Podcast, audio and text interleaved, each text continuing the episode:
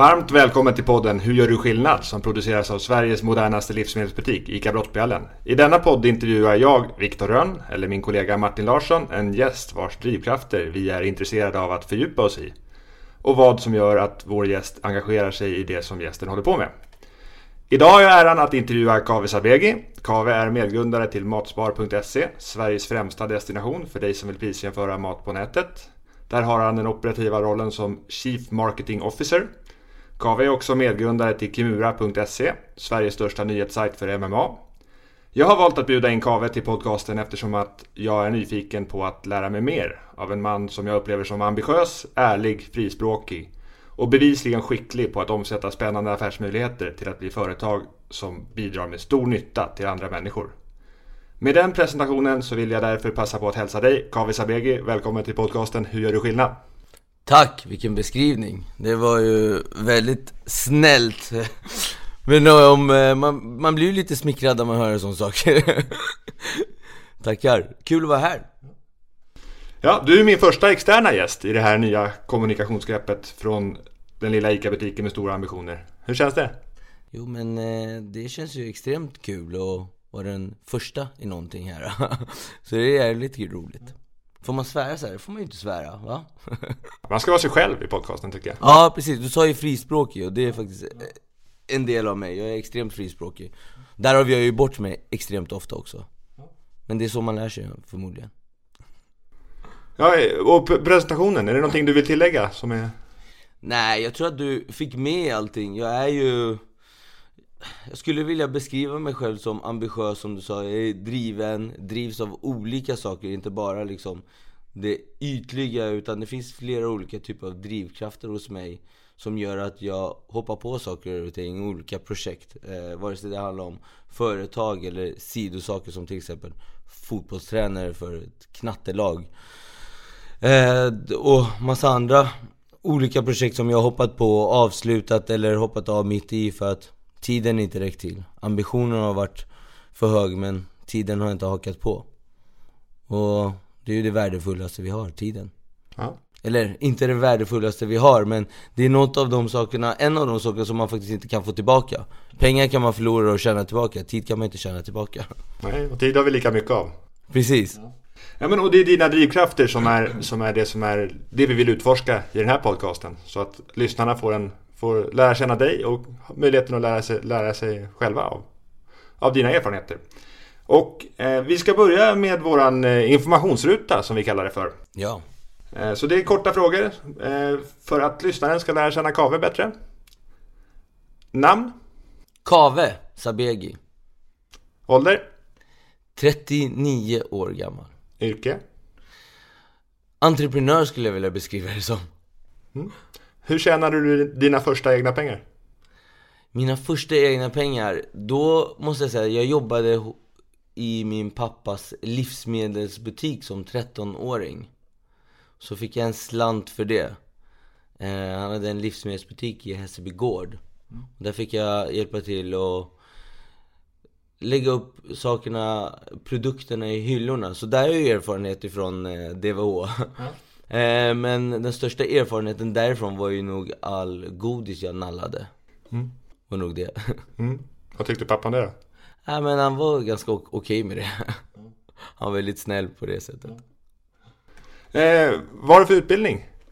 Jag har egentligen ingen speciell utbildning förutom eh, att Eh, det utbildning jag har med mig från gymnasiet. El med inriktning till data. Men jag var ju totalt värdelös i skolan. Sen har jag en Kalle Flygare teaterskolautbildning, en skådespelarutbildning därifrån. Mm. Eh, och det är väl det jag använder i min vardag. Var det något, var det något program där och hur liksom, vad, vad, var det för, vad var det för utbildning du gick där? Ja men det var, de hade på den tiden 2001 någonting så var det ju teaterutbildning. Och så hade man lite film också. Eh, men eh, det var främst teaterutbildning, tvåårig. Efter ett år så rensade de hälften av klassen och de bästa fick fortsätta. Mm. Ja, och du, du har ju mycket saker igång, men vad är dina största intressen? Ja, min absolut, mina, absolut, eller mitt absolut främsta intresse är ju just entreprenörskapen och eget företagare och i det här fallet är ju just nu matspar det främsta fokuset. Om man ska ta en privat plan så är ju självklart min, mina barn och min familj stor intresse och det är de som är drivkraften till allt jag gör. Varför jag gör det liksom. Mm. Jag har ju fått lite bakgrundsinfo från din, din eh, vapendragare Omid Gawari. Asså? Ja, det har jag. Så jag tänkte låta dig välja mellan två tidigare yrken, vilket, vilket du föredrog mest. Mm. Eh, platschef eller taxichaufför? Det är ju platschef. Det, det, taxichaufför hade ju sin skärm och sina historier kan jag ju gott säga, men eh, platschef utvecklade mig mer. Och du var platschef på olika satscenter? Ja, precis. Jag var platschef på uh, Vällingby, Stadshagen, Hötorget, Zenit, Vasagatan.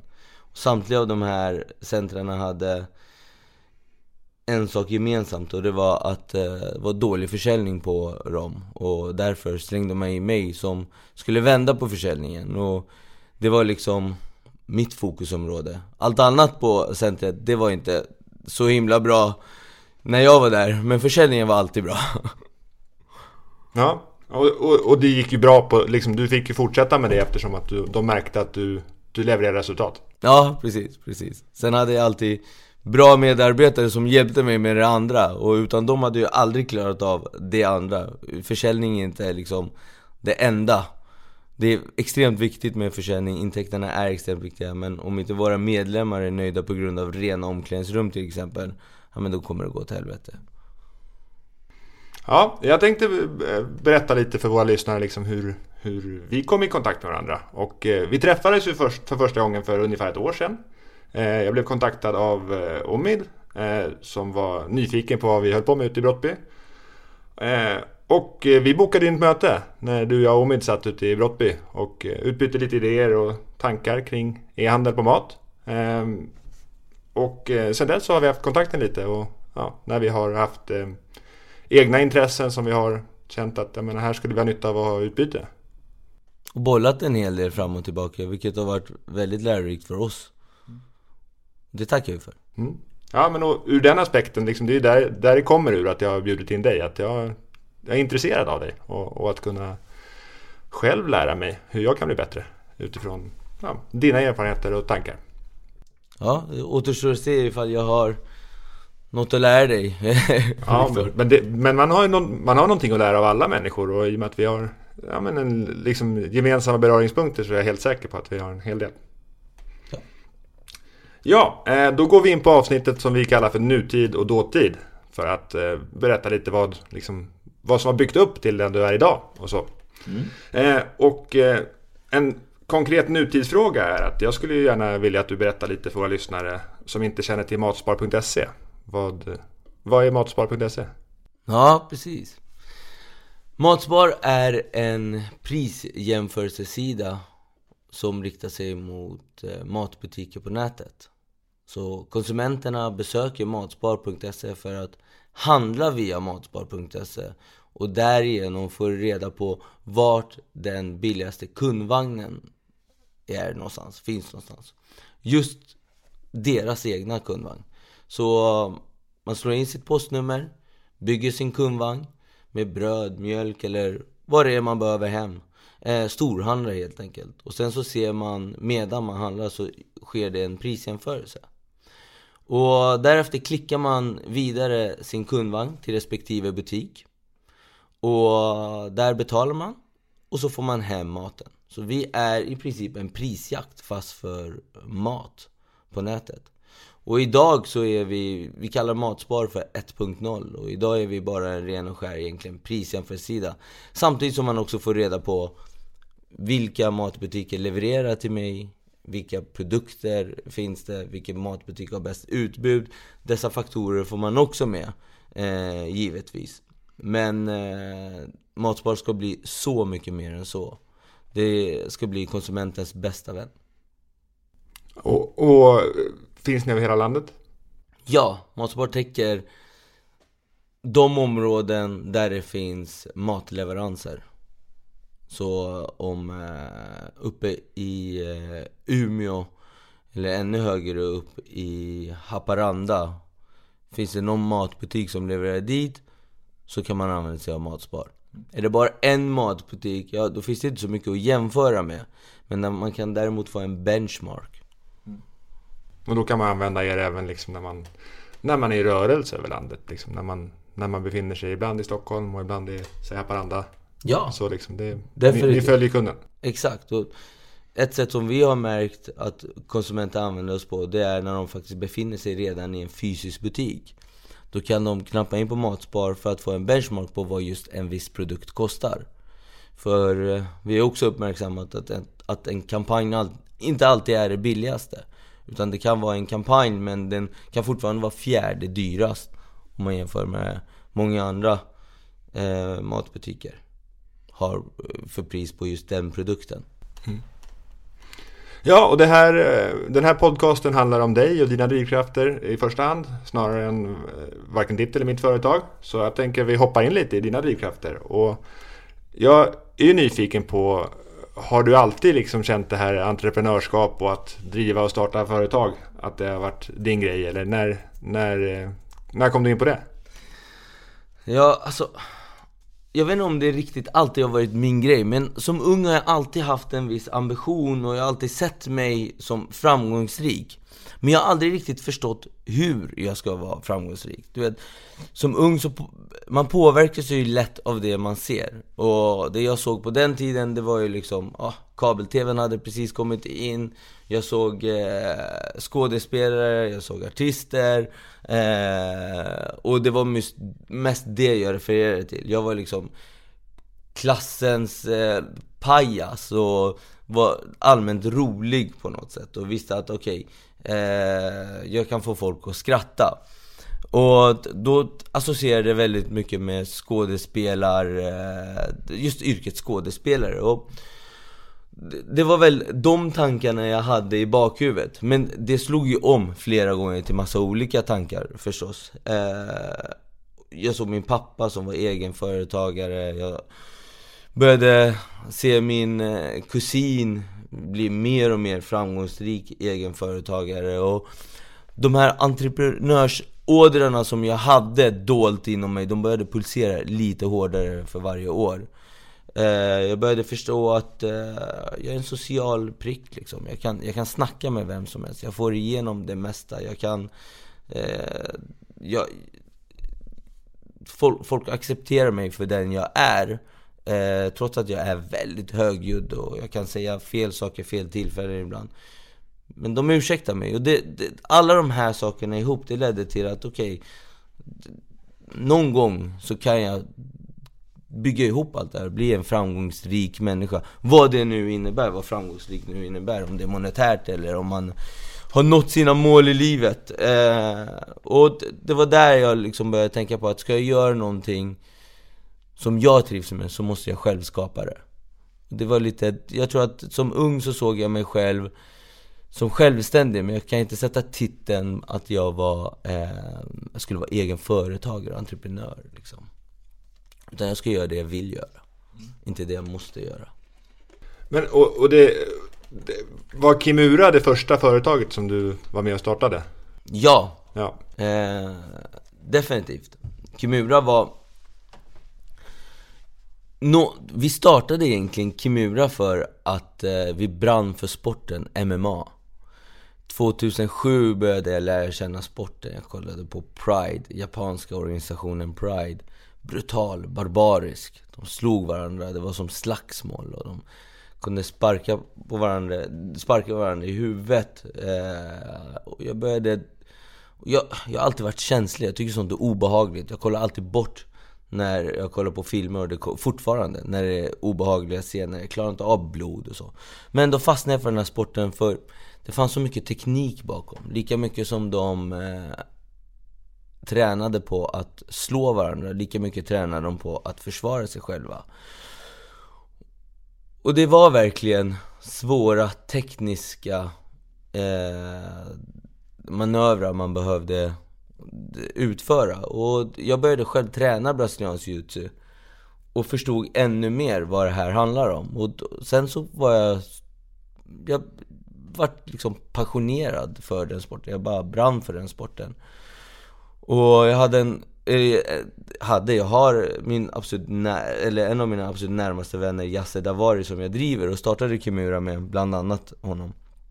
Eh, han jobbade för eh, en kampsportshemsida som hette Fightplay på den tiden. Och det var också, det drevs också av våra vänner. Och vi hjälpte till där lite och Yasser var väldigt medieintresserad och sa att Kave, fan de här vill inte göra det vi vill göra. Jag vill göra mer film, jag vill göra mer dokumentärfilmer och de här vill inte göra det. Kan, kan vi inte göra det här själva? Eh, och jag var ju självklart på. Så ja, det vill jag gärna göra. Vi startar en sida. Så var vi tvungna och eh, hitta någon som kan det här med internet. För jag kunde inte internet. Eh, jag var värdelös på internet och Yasser kunde inte heller internet. Men däremot hade vi min kusin Berang Etershami som, jag, eh, som också är medgrundare i Matspar. Han kunde internet. Han har jobbat med internet sedan 99. Eh, jobbade på den tiden på Blocket. Så vi pratade med honom och sa att vi har en idé. Och han tyckte att idén var värdelös. Han ville inte alls vara med på den. Så vi fick tjata. Och vi fick tjata och vi fick eh, mata han med kunskap om sporten, om sportens eh, framgång. Då var det ju den absolut eh, snabbast växande sporten. Men från fortfarande ganska liksom låga nivåer? Precis, det var, och därav det var, var det, det var innan det breakade? Exakt, och därav var det snabbast växande sporten. Och det var de usparna vi använde oss av.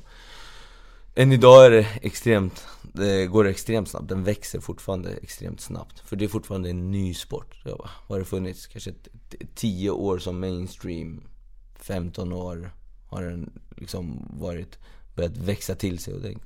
Ja, men eh, hur som helst, vi pratade med honom och till slut fick vi med honom. Han sa ja, vi kör på det här. Med sig drog han med sig en utvecklare från, eh, jag tror att han var från Blocket, Sakai hette han. Och vi fyra, vi tänkte vi sätter igång med det här. Vi, sätter, vi startar Kimura.se. Och vi hittade, kom på ett namn, Kimura, kläckte Berang kommer jag ihåg och han sa Det här är ett bra namn. Det roliga var att Kimura det är ju ett, det är ett lås, det är en submission. Det är, det är ett axellås där man vrider armen bakom ryggen tills den andra täpper ut, klappar ut. Eh, Berang visste, hade bara hört talas om namnet, man hade ingen aning om vad det var. Eh, och det fick vi reda på när vi skulle köpa upp domännamnet utav en fotograf som, som hette Kimura i efternamn. En halv japan som hette Kimura i efternamn.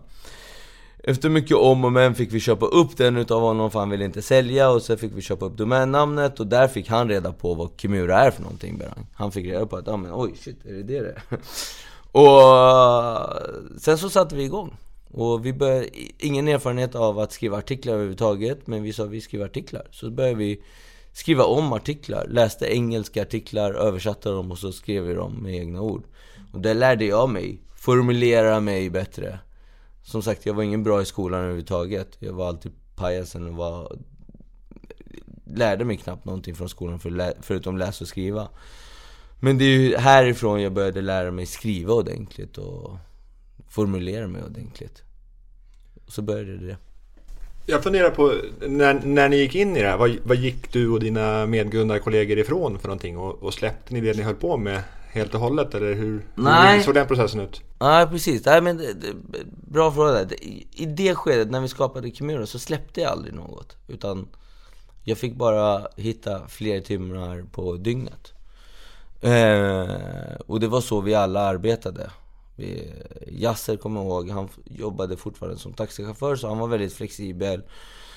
Så han la mest tid på Kimura. Han eh, gjorde extremt mycket filmer. Vi, vi var först ut i den världen med content, rörlig content liksom. Och vi gjorde dokumentärfilmer som resulterade till att vi gjorde dokumentärfilmer för TV4 Sport och även för SVT. Och vi var ett, ett extremt eh, fram, det tidiga med den, eh, vad ska man kalla det för? Vlogg slash eh, dokumentärfilm om olika fighters. Och spotta ut i olika program bara. Eh, men jag fick helt enkelt finna fler timmar på dygnet. Passande nog så fick jag mitt första barn vid den tiden också. Och då var det ju extra mäckigt att hitta tid då, men det gick. Och det, jag lärde mig att det handlar om att vilja. Och när man vill det tillräckligt länge, eller tillräckligt mycket, då hittar man också sätt att prioritera. För det är det det handlar om också, prioritera sin tid. Så att alla är nöjda. För om jag skulle göra Kimura, jag brinner för det, jag älskar det. Men min fru älskar det inte. Det skulle inte vara hållbart. Därav så får man börja hitta balansvägar och konstant kommunicera. Ja, jag, jag är nyfiken även på matspar.se. Jag har hört att det, av, av Omi då, att det var, det var absolut inte självklart vad ni skulle göra, men att ni skulle göra någonting tillsammans. Det var klart. Exakt! Det var ganska roligt, vi kallar oss själva för, i och med att jag heter Kava och han heter Omid, så kallar vi varandra för KO team, knockout team. Och vi skulle knocka all Eh, alla branscher som fanns skulle vi bara knocka dem med våra idéer och vår skärm och vår, vårt driv pratade vi om. För vi har det jag och han tänkte vi. Han har, jag brukar alltid säga han har intelligensen och jag har säljkraften. Eh, för Omid är en extremt intelligent människa, man, ska, man lär sig så mycket av att sitta och prata med honom. Och jag hade gjort någonting med min andra närmaste vän och, och jag och Omid pratade ofta om att göra någonting tillsammans. Och vi satt med olika idéer. Vi hade en taxiidé, kommer jag ihåg, om att vi ska utmana Uber. Man ska, man ska eh, buda på sin körning. Så här mycket vill jag betala. Eh, så här mycket, jag vill åka från punkt A till punkt B och så, så skulle taxichaufförerna buda och den med lägst bud skulle vinna kunden. Och, det behöver vi utmana och sen så eh, använde vi, vi båda handlade mat på nätet och så kom våra dialoger fram till att fan det finns ingen prisjämförelsesida för mat. Det är det man konsumerar mest av allt. Och det finns ingen typ av prisjämförelsesida. Det, fanns, eh, det finns en som man kan, som bara liksom informerar om eh, kampanjerna. Men det finns ingen riktig så här på hela min matkasse. Och vi, vi, vi förstod varför det inte fanns. Eh, det är för att man kan inte få tag på priserna från de fysiska affärerna. De delar inte med sig. Ingen vill bli prisjämförd. Men däremot nätet, matbutikerna på nätet, det är öppet. Och syns det utåt, då kan man spindla hem det. Kan robotar samla hem det. Och vi hade vår idé där, tänkte att vi är unika i världen med det här Men ganska tidigt märkte vi att nej, det finns faktiskt en annan aktör som hållit på sedan 2006 Och det är uh, My Supermarket i London. Och vi märkte att jäklar vad de får in investeringspengar. Det bara regnar miljoner över dem och det här är nog framtiden. Och London ligger i framkant, vi växer som fan. Och det bara pumpas in pengar 2005 14 var det Det bara pumpas in pengar i de olika mataktörerna. Mathem, Mat.se Så vi tänkte det här är rätt väg att gå. Det här tror vi på. Och så började vi återigen dra i vår internetguru Berang. Och han gillade det. Han gillade den. Och han sa att eh, jag kan vara med på ett hörn men jag vill inte vara med. Mer än att jag är bollplank just nu. Jag har för mycket i livet. Han jobbade på Blocket på den tiden.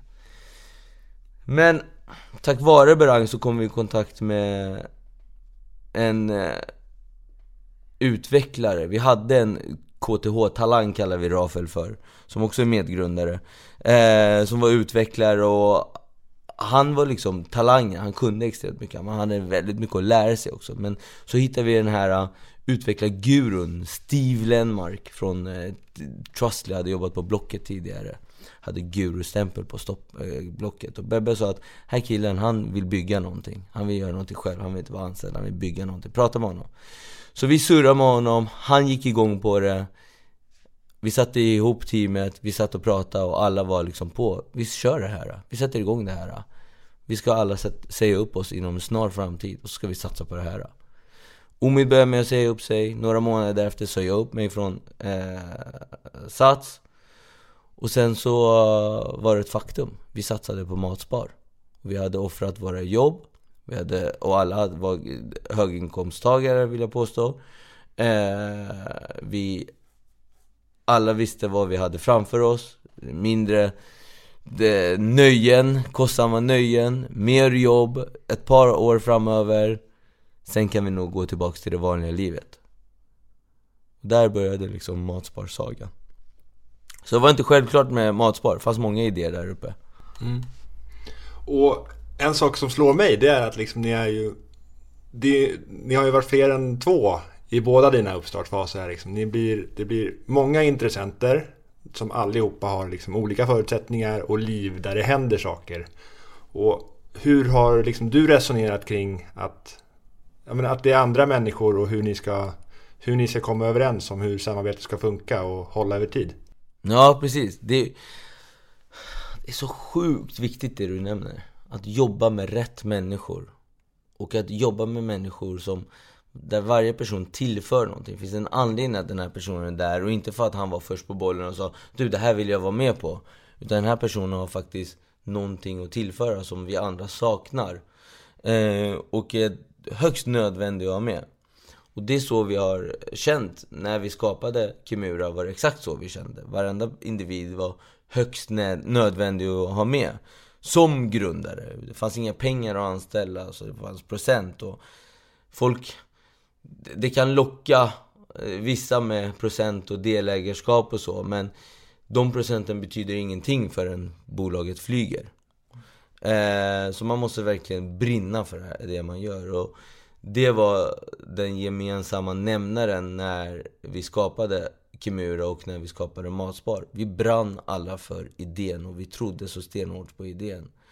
Eh, samtidigt som vi alla också var väldigt naiva det kommer vi komma in på sen varför vi var naiva och hur det hjälpte oss. Men och, jag, jag brukar säga det att teamet är det absolut viktigaste som finns. Och när man skapar någonting, se till att ha med er någon som tillför det du inte kan tillföra, som inte finns i teamet. Men också den här positiva andan där mot, när motgångarna kommer, de kommer dagligen. När motgångarna kommer så ska ni tillsammans kunna attackera motgångarna och ha energi att göra det.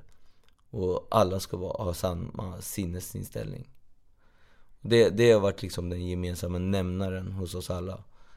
Det spelar ingen roll vilken motgång det kommer, vi kommer hantera det. Och där, där, menar, där, där är ju samhörigheten och teamkänslan oerhört viktig. Och, och hur, hur tänker du kring, kring det? Vad, vad, vad gör du för att hålla samman liksom, gruppen när, när utmaningar riskerar att slita er lite isär? Ja, vad gör jag? Vi jobbar extremt mycket gemensamt med det där. Jag är inte den, eh, jag är en positiv prick i mig och en rolig prick i mig och en glädjespridare.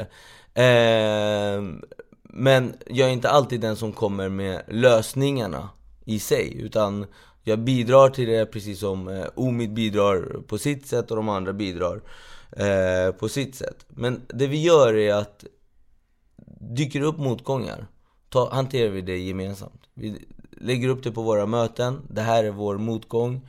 Eh, och sen börjar vi prata om hur vi ska lösa det. Inte hur illa den här motgången är, utan hur löser vi den här motgången? Hur tar vi det här? Hur går vi vidare med det här? Vad är steg ett, steg två, steg tre? Vi har en jättestor motgång framför oss eh, just nu som vi arbetar mot och den kräver extrema insatser. Jag tror inte att många skulle liksom ta sig an den här eh, insatsen som vi faktiskt gör nu, för den är tuff. Den är jäkligt tuff. Men vi gör det och vi kommer klara av det. Mm. För vi har klarat av så många andra. Vi har varit ute på plankan och varit nära på att gå i konkurs en och en halv månad ifrån liksom. Men vi lyckades vända det så att vi i slutet av året gjorde en vinst på en mille istället för att gå i konkurs. Och det, det, det, tillsammans så känner jag att vi klarar av allt. Och det är bara på grund av teamet. Vi är så extremt bra team. Fantastiskt team. Ja, vad roligt att höra. jag kan inte sluta nämna det, hur bra team vi är. Vilka bra människor jag jobbar med. Och det, det, det, är ju en, så här, det har varit min framgång, att jobba med bra människor. Jag vet att jag skulle nog inte klara av jättemycket ensam.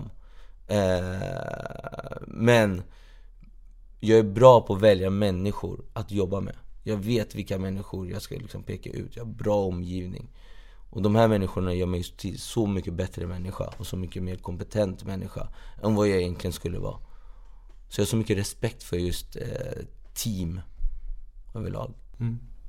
Jag förstår. Och det att du, liksom, att du är bra på att ta hand om människorna runt om dig. Det var egentligen det första som, som Omid sa till mig när vi pratade också. Att det är stor styrka hos dig. Så det, det är fler som beskriver och det kan jag själv känna också när vi, när vi pratar. Att liksom, du, är en, du, du är en väldigt varm kille. Liksom. När, när, när samtalet kommer, liksom, det, det känns som att du alltid har tid fast du har så mycket igång på en och samma gång. Ja, precis. Ja, men det är ju för att jag också brinner för det. Jag älskar att surra. Jag sa ju det innan. Jag älskar att surra. Ni kommer ha problem med för jag, det här poddavsnittet kommer säkert dra ut på det. för att jag gillar att surra så mycket. Och det är kanske det som gör att jag ger känslan av att jag är varm. Och jag gillar att prata med människor liksom. Ja. Ja, eh, och jag tänker på det när det är så mycket som pågår eh, i ditt liv och, och, olika projekt och sånt som du testar och avbryter och så. Hur, hur fördelar du din tid liksom och hur, hur tänker du när du väljer hur du ska fördela tiden och vad du ska sluta med och sådana saker? Ja, precis. hur fördelar man tiden? Jag vet inte om jag har, riktigt har någon... En av mina stora svagheter är just struktur. Så fördela tiden, det har jag förmodligen haft tur med skulle jag vilja säga. Men det handlar om eh, att det är min passion som nog driver mig till vad jag vill göra. Och jag ger mig in i det mesta. Sen får jag märka om jag hinner med det eller inte. Som jag nämnde, jag och Omi drev en, eh, en podd där i fyra, fem avsnitt som vi hann släppa som heter Promenadpodden. Eh, men vi märkte att vi, vi har inte tid med det här. Vi älskar det, det var fan skitkul. Det var en ny utmaning för både mig och Omid. Men vi märkte att vi har, vi har inte tid med det här. Vi behöver nog prioritera det andra mer. Det är så jag har märkt. Jag är fotbollstränare för min, för min sons lag, eh, Vasalund. Jag brinner för det här jättemycket. Jag älskar sport, jag älskar fotboll. Och det håller jag på med två gånger i veckan. Sen är det kupper och sen så kommer det matcher nu. Sankt Erikskuppen börjar nu så det kommer vara tre, fyra gånger i veckan. Och det tar extremt mycket tid. Men det har jag valt att men det ska jag ha i mitt liv. För det är kvalitetstid med min son.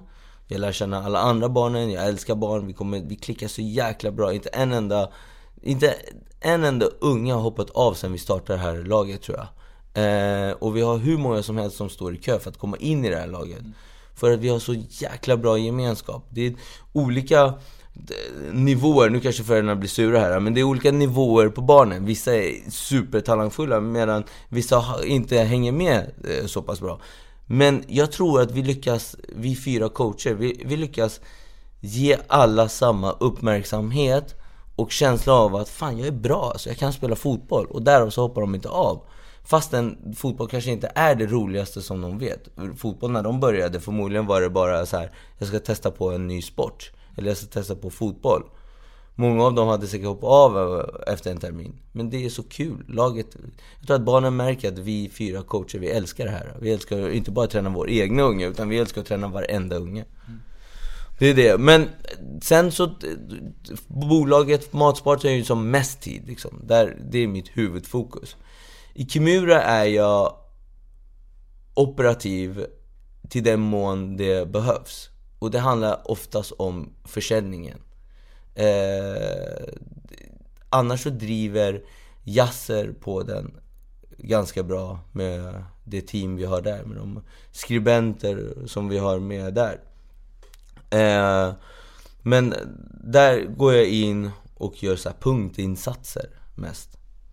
Samtidigt som jag lägger någon timme varje kväll där också kanske, men som jag kanske inte räknar med.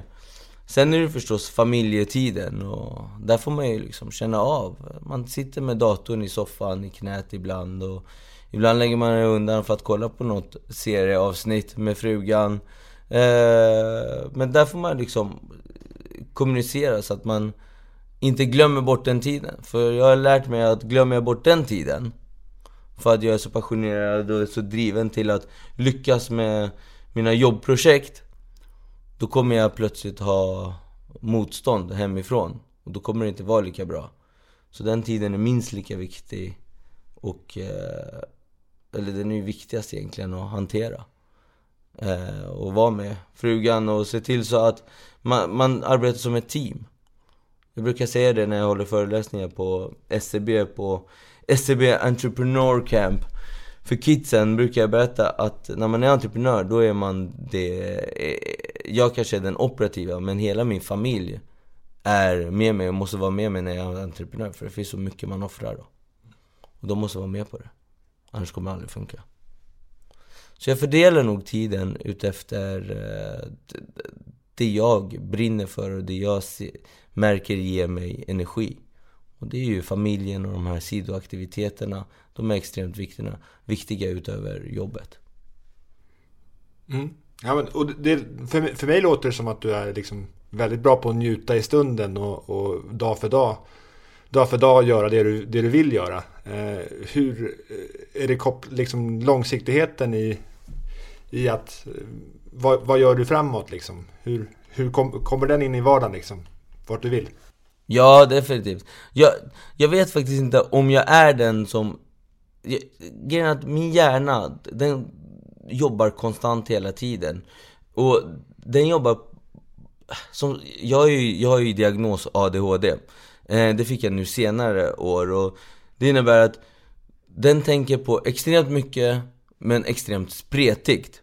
Och det, därav så tänker jag sällan på nuet, att ja men nu ska jag njuta. Jag brukar säga jag är extremt dålig på att faktiskt njuta extremt dålig på att njuta. En polare som jag avundas extremt hårt för han är extremt bra på att njuta. Han njuter av allt. Allt han gör njuter han. Jag fattar inte hur man kan njuta så himla mycket. Nej, men på riktigt, allt han gör njuter han. Han tränar och det är stenhårt, han har skitont men han njuter av det. Hur fan kan du njuta av det brukar jag säga. Och vi bara sitter och relaxar och kanske spelar lite FIFA. Eh, som jag är en nörd av. Och han njuter av det medan jag tänker oh, shit, hur ska det gå i nästa match för mig? Och hur ska det gå? Jag tänker framåt ja. hela tiden. Och det är just det som jag behöver träna på. Och inte tänka så mycket framåt hela tiden, utan tänka på just nuet. För det är där jag är. Jag tänker extremt mycket framåt. Jag gör matspar för att om tre år ska det bli så här. Det är extremt viktigt. Att tänka så känner jag. Men jag måste också ha med mig vad vi faktiskt har gjort. För att åstadkomma det vi har gjort. Det är ju det som jag ofta liksom behöver påminnas om att stanna upp, tänka vad har vi gjort? Vad gör vi nu? Vad håller vi på med nu? Det här som vi gör nu, det kommer faktiskt leda någon vart. Och det som vi gör nu, det hade många struntat i att göra. De hade hoppat av det, men vi gör det faktiskt nu.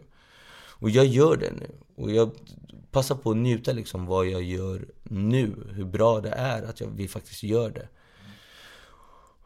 Men det är mest framåt jag tänker faktiskt. Det är mest framåt jag tänker. Om tre år ska vi ha det här. Om tre år ska vi ha åstadkommit det här. Om tre år ska så här många eh, använt eh, matspar och den här impacten ska vi ha haft hos människorna. Och, och därefter så ska vi skapa det här och så kommer det en massa nya företagsidéer i helt andra branscher upp i mitt huvud. Och så är jag ute och svävar igen.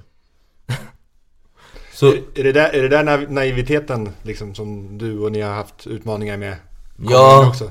Precis, bra. Naiviteten, det, det är ju en stor del till att Matspar finns idag.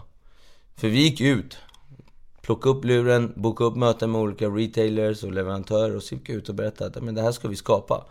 Vi hade liksom inte ens eh, börjat knacka kod på den tiden då. Så berättade vi att det här ska vi göra. Vi ska göra Matspar och det är en prisjämförelsesida. Er butik kommer finnas med. Vi träffade alla tror jag. Och Samtliga hade egentligen en sak att säga till oss. Det var Vi kommer inte vilja vara med på det här. Vi vill inte prisjämföras. Det lärde vi oss snabbt. Det var ingen matbutik som ville prisjämföras. Ingen matbutik hade liksom vanan av att prisjämföra. Eh, prisjämföras. Eh, samt att, ja men ni anar inte vad ni ger in på. Det här är... Det, ni kommer inte kunna göra det här ni vill. Hur bra tekniska än ni är. Och vi sa, aha visst, det kommer vi kunna göra. Och sen så gav vi oss in i det här och så märkte vi vad de pratade om. Jäklar vad svårt det här är. Det är så mycket datapunkter och det är inte ren data utan det är smutsig data. Så våra maskiner, våra algoritmer, de måste ju tvätta datan och sen, och sen måste de spotta ut det. Och jäklar vad folk sätter, vissa sätter kilopris medan vissa sätter styckpris hur ska man kunna jämföra det här liksom? Och det var hur mycket utmaningar som helst. Än idag finns de utmaningarna. Men när vi sen gick och presenterade det här och visade för retailerna som hade gett oss stopphandeln Det här bara nej, vi vill inte vara med, ni kommer inte klara av det här Och visade att vi har klarat av det här Så var det många som tappade hakan och inte alls hade kunnat tänka sig att vi skulle komma så pass långt att vi faktiskt skulle kunna exportera en kundvagn till deras egna hemsida. Och vips så fanns det en kundvagn på deras sida som kom från vår sida. Hur, lång, hur långt var det där mellan liksom att ni gick igång till att ni hade första kundvagnen? Jag tror att det var, eh, som sagt, en extremt komplex maskin vi bygger här. Och jag tror att det var ett år tror jag att vi, det gick från att vi började knacka kod till att kunna exportera. Det gick ganska snabbt att lista produkterna. Eh, men att kunna bygga och exportera och tvätta, jag tror att det tog nu kanske de andra blir sura när de hör det här, det kanske gick mycket snabbare än ett år men Jag vill minnas att det var ett år.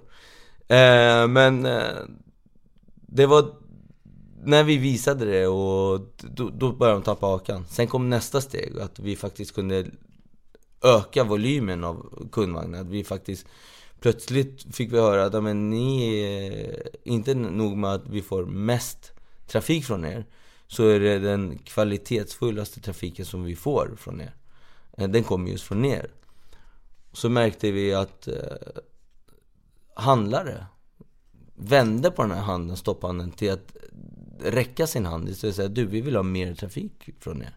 Hur går vi tillväga? Sen började vi samarbeta med handlare efter handlare du är en av dem.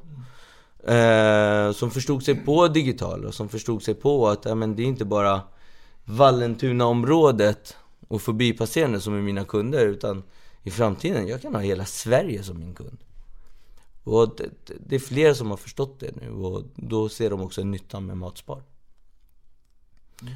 Så där har vi varit naiva och inte alls, hade vi vetat vad vi hade framför oss, hade vi vetat utmaningarna med tekniken Med tuffa, rent ut sagt ganska jobbiga handlare många Så hade vi nog eh, inte gått påbörjat det här Men där var vår naivitet, det var vår styrka mm. Och såklart att ni har lärt er oerhört mycket av allt ni gått igenom i det Herregud vad vi har lärt oss, herregud vad vi har lärt oss Vi var ju vi var ju totalt okunniga om branschen. Ingen av oss kom från branschen. Ingen visste någonting om DVH. Vi kunde digitalt liksom. Du hade, kunde... du hade plockat lite varor i pappas butik? Det var det jag visste, exakt. Och jag hade jobbat i en Tempo-butik också förresten, just det. På Slussen. Ja men sen så, och det var den erfarenheten jag hade, de andra hade knappt den erfarenheten. Och hur upplever du idag att dagligvaruhandlarna ser på er?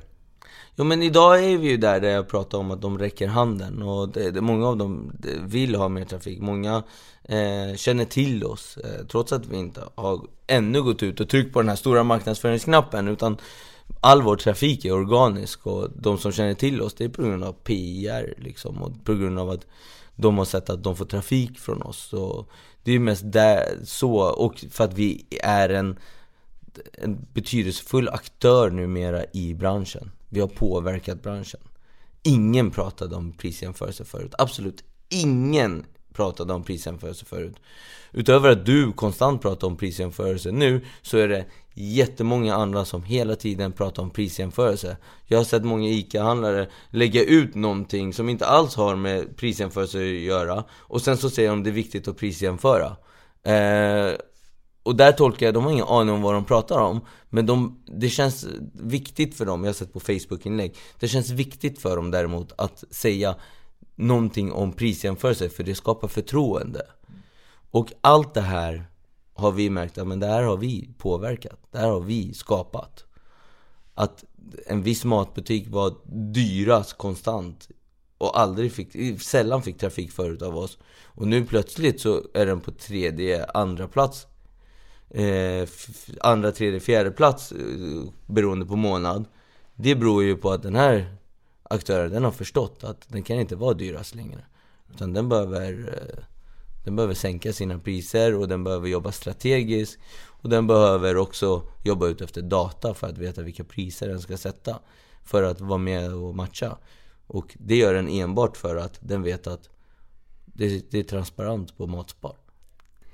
Och ni, eh, prisjämförelserna är ju transparenta och vi har en annan, liksom, vi har en, en intressant händelse i branschen de senaste månaderna i att eh, Coop har gått ut med prisgaranti i sina fysiska butiker. Ja. Men den gäller inte online. Nej, precis. Eh, och... De, vill inte, de, de, de garanterar inte mot onlinebutiker. Tänker du, hur tänker du kring den delen? Jag tänker att det är en eh, resa. Eh, jag tror att de har ambition att göra det. Jag är ganska övertygad om att de har ambition att göra det. De måste hitta rätt verktyg att göra det. Och visserligen är Matspar rätt verktyg. Coop har ju liksom använt oss i sin, marknadsför i sin marknadsföring tidigare och sagt att de är billigast, eh, eller ofta billigast och eh, hänvisat till att jämföra dem på Matspar. Mm. Och när de väl har en viss teknik som kan enkelt visa att de eh, även Eh, kan erbjuda prisgaranti på nätet så kommer de förmodligen ta sig dit också.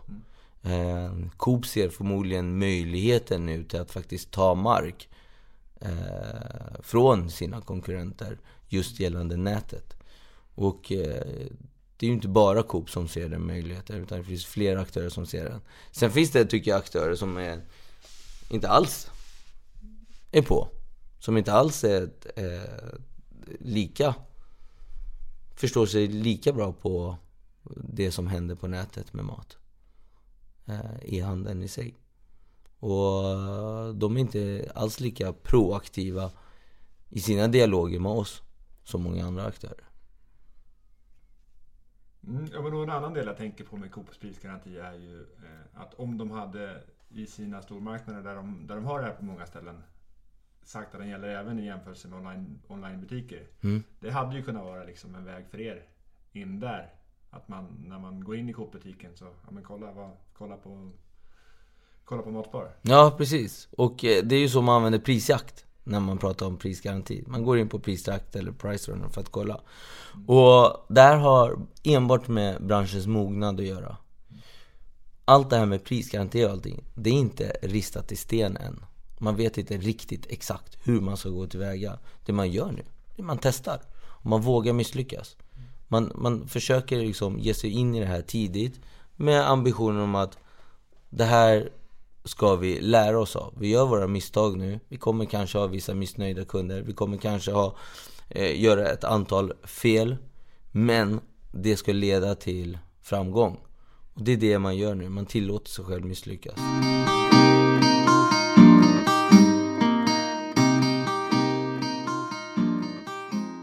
Vi går in på framtiden. Nu, ja. Som nästa avsnitt. Eh, och det första jag är nyfiken på där är eh, om du har någon förebild, någon du följer och inspireras speciellt mycket av? Mm. Jag har ju några direkta förebilder faktiskt och eh, en av dem vill jag lyfta, det är ju min pappa. Så det, anledningen till att han är min förebild och egentligen mina föräldrar i sig, men min pappa för att, jag menar de gjorde någonting som jag hittills inte kan mäta någonting med som jag har gjort som, som jobbig. Det var att de lämnade sitt land där de var trygga, där de kunde språket, där de kunde liksom, hade jobb klart. De hade liksom allt. Och trots att de var liksom inte för den nya regimen som kom på den tiden och inte alls gillade det så hade de fortfarande en viss trygghet där. Och trots att det var Iran-Irak-krig som pågick då, så hade de fortfarande en viss trygghet där. Eh, det är ju så med sitt egna land liksom. Men eh, de hade släkt i utlandet samtidigt som vi hade släkt i Iran. Men de visste att de hade två söner som de behövde uppfostra. Och eh, för att kunna göra det bäst för dessa två söner, vilket var jag och min storebror, så var de tvungna att lämna landet. De var tvungna att lämna all trygghet de hade och komma till eh, Sverige där de inte kunde språket, de visste inte no de hade ingenting klart utan de hade släkt här som de räknade med att där får vi lite hjälp. Sen får vi göra resten själva. Och det var det steget de tog, precis likt många andra invandrare i sig. Många har gjort, tagit det här steget. Och för mig, trots att det är så många människor som tar det här steget, vare sig under press eller ej, så är, det en, så är det ett extremt stort steg att ta. Extremt stort steg. Och det, jag respekterar modet. Eh, och drivkraften till att ta det. Och när, de tog det steget och kom till Sverige och min pappa började dela ut. Från att han var, jag tror han var byggingenjör och sånt. Han jobbade inom byggbranschen med någon form av eh, ingenjörsgrej. Eh, men han eh, började jobba som tidningsutbud här för Dagens Nyheter och eh, visst började kolla runt och vad ska jag göra liksom? Vad, vad, ska jag göra? Vad ska det här leda till? Och han sparade pengar, han var extremt duktig med pengar. Han, min pappa han kan hantera pengar, det har jag lärt mig liksom. Han konsumerar inte bara för att konsumera. Det finns ingenting som heter impulsköp hos honom.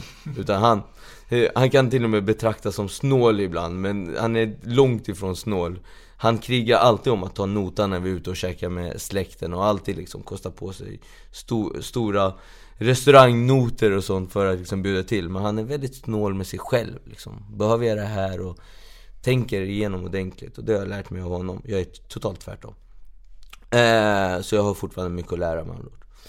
Men han tog i alla fall och började jobba som tidningsutbud för Dagens Nyheter och spara, spara, spara, spara, spara, spara pengar. Och sen så köpte han sin livsmedelsbutik i Hässelby Gård. Ingen erfarenhet av branschen. Så han gav sig in i det där liksom. Det här kan jag hantera. Men vad han gjorde då, det var att under en ganska lång period, jag tror det var över, över ett år i alla fall. Så jobbade han på natten som tidningsutbud. Kom hem. Tror han sov en timme. Åkte till Dagab. Gjorde sin dagsinköp för livsmedelsbutiken. Åkte till livsmedelsbutiken. Drev den fram till klockan sju på kvällen. Kom hem 7 på, eh, Käkade middag med oss. Var vaken till klockan eh, tio, tror jag. Gick och la sig. För han la sig alltid efter oss. Vi la oss nio. Han gick och la sig. Och sen så klockan eh, tre var han tvungen att vara på jobbet igen. Och köra tidningsutbudsjobbet. Och så jobbade han så i ett års tid. Det är stenhårt arbete. Det skulle jag vilja påstå att det, det krävs mycket energi, mycket vilja, extremt mycket drivkraft och extremt stor arbetsmoral för att göra en sån sak. Och det gjorde han. Eh, min pappa har aldrig varit någon så här extremt fram, framgångsrik entreprenör. Eh, men han är definitivt en doer. Och det gillar jag. Och det, det, honom, när jag tappar motivationen så kollar jag på min pappa och tänker på min pappa och tänker när han tappar motivationen, vad hade han för val? Motivationen, det påverkade inte honom. Utan det var den inre drivkraften, disciplinet, som påverkade honom. Det var det han hade. En annan förebild jag har, det är min eh, kusin. Eh, Pierre Siri heter han. Han hatar att bli nämnd i sådana... Han, eh, jag kommer ihåg att media gjorde en grej om honom och vi vart alla chockade att han ens var med. De kallar honom för doldisen eh, Siri. Han är ju den som är en av grundarna till Blocket.se och det, han är också eh, delägare i Hemnet idag och skapat Varit VD för Hitta.se, delägare för Hitta.se, Property Finder i Mellanöstern. Alltså det är hur mycket som helst som han har gjort. Och han är extremt framgångsrik människa. Började verkligen från ingenting. Han har en gymnasial utbildning precis som mig. Eh, skillnaden mellan mig och han egentligen, det är att förutom att han har kommit extremt långt i sin entreprenörskap och påbörjade tidigt eh, är att han är extremt intelligent, skarp människa. Eh, tänker igenom saker och ting och så gör han, en doer liksom. Och det har jag, det, jag ser extremt mycket upp till honom. Och det han har gjort. Och så principfast som han har fast och varit och trott på det han har gjort. Ingen trodde på Blocket på den tiden. Ingen trodde på Blocket på den tiden. Det var så tidigt. Det var gula sidorna som gällde och ingenting annat. Det var så tidigt. Han var hängivande. Han var hängivande. Precis som få tror på... Eller många tror på matspar men det finns extremt många eh, som inte tror på matspar och inte trodde på Kimura för att, fan det var ingen som visste ens vad MMA var då. Vi gav oss in i det omöjliga. Men det vi lärt oss det är att vi har inte gett oss in i det omöjliga. Vi har gett oss in i det tidigt bara. Så det vi behöver, det är tålamod. Och precis vad Pierre hade när han gav sig in i sina grejer. Han hade tålamod. Han höll ut.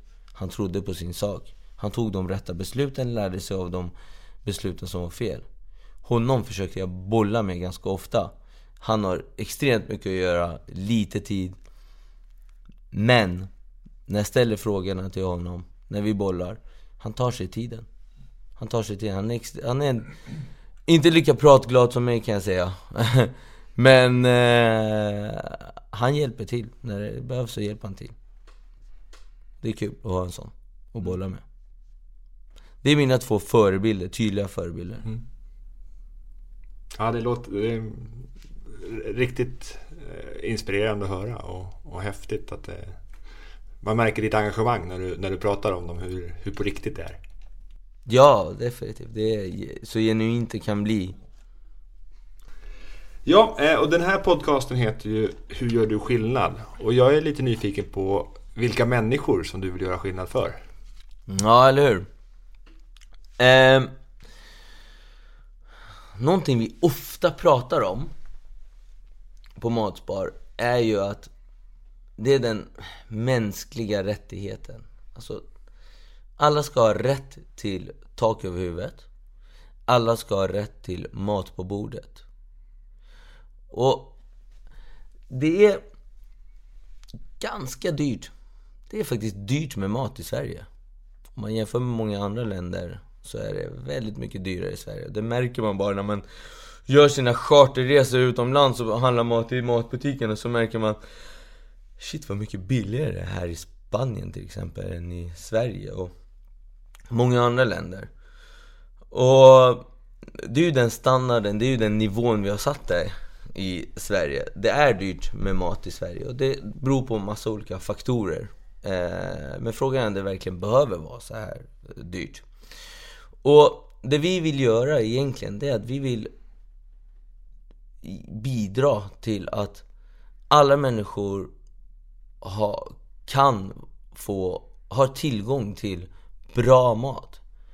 Inte bara att de kan köpa mat men sen är det någon form av eh, dålig producerad mat som egentligen inte är jättebra för kroppen. Utan alla människor ska ha tillgång till eh, mat. Och I och med att vi jobbar med internet. Jag menar, idag köper vi via e-handeln produkter från olika delar av världen. Och det är ju vad vi vill göra med mat också. Vi vill kunna demokratisera maten. Att eh, vi, via nätet så ska man kunna köpa mat från bra mat från Tyskland till exempel och bra mat från andra områden i världen. Eh, iranier som kanske inte kan få tillgång till deras egna persiska produkter här i Sverige. Nu har faktiskt Sverige väldigt bra utbud på saker och ting. Men som vill ha en större batch av saker och ting. De kan faktiskt köpa det direkt från Iran via nätet. Och nu när logistiken har sin framfart så tror jag att det kommer vara fullt möjligt i framtiden. Utan att påverka miljön jättemycket så tror jag att eh, det kommer vara fullt möjligt. För vi blir smartare vi människor. Vi, vi börjar tänka miljö och jag tror att mat på nätet, det kommer bidra till en miljövänligare Sverige, miljövänligare världen. För man behöver inte ta en varje familj behöver inte ta sin egna privata bil redan idag och gå ut och handla. De kan välja att handla på nätet och så kommer en lastbil som kör till flera olika hushåll. Och då är det en lastbil. Och de här lastbilarna, de blir bara miljövänligare och miljövänligare också. Och i framtiden så är det förmodligen inte ens lastbilar utan vi pratar om drönare som flyger runt och levererar det här. Och det, där vill vi nog göra vår största impact. Vi vill att människor ska få tillgång till bra mat tidigt. Eller förlåt, eh, billigt. Mm. Inte alls så himla dyrt som det kan vara. Där är nog eh, en stor impact. Det är nog där jag vill göra, där vi vill göra skillnad. på privat plan så vill man ju göra skillnad för sig själv också. Jag vill ju ekonomiskt göra skillnad. Jag är en eh, pengadriven människa. Eh, fastän det kanske inte märks nu när man går runt på entreprenörslöner. eh, lärt mig att inte vara så materialistisk till exempel. Eh, men man vill ju bo fint, man vill skapa trygghet för sina barn, man vill skapa upplevelser för sina barn. Eh, och sånt kostar. Och där vill man ju ha det monetära. Sen så vill man ju också ha en viss legacy här. Typiska legacy, man vill ha skapat någonting. Sätta sitt namn på det. Kave was here, I did this. Eh, det började med oss i det här teamet. Och det, det vill man ju också ha liksom, och kunna dela med sig.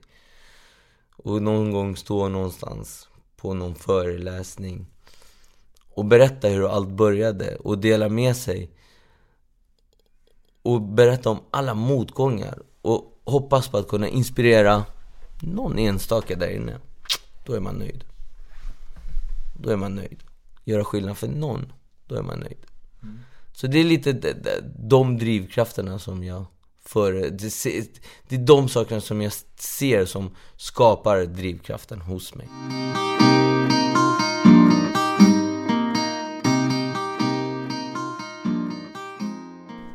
Jag upplever det som att både Matbar och Kimura så är det väldigt många människor som ni gör skillnad med skillnad för idag. Eh, hur tänker du kring att så bra som möjligt uppfatta, uppfatta deras behov? Att skapa någonting som folk vill använda sig av handlar om att då vara lyhörd.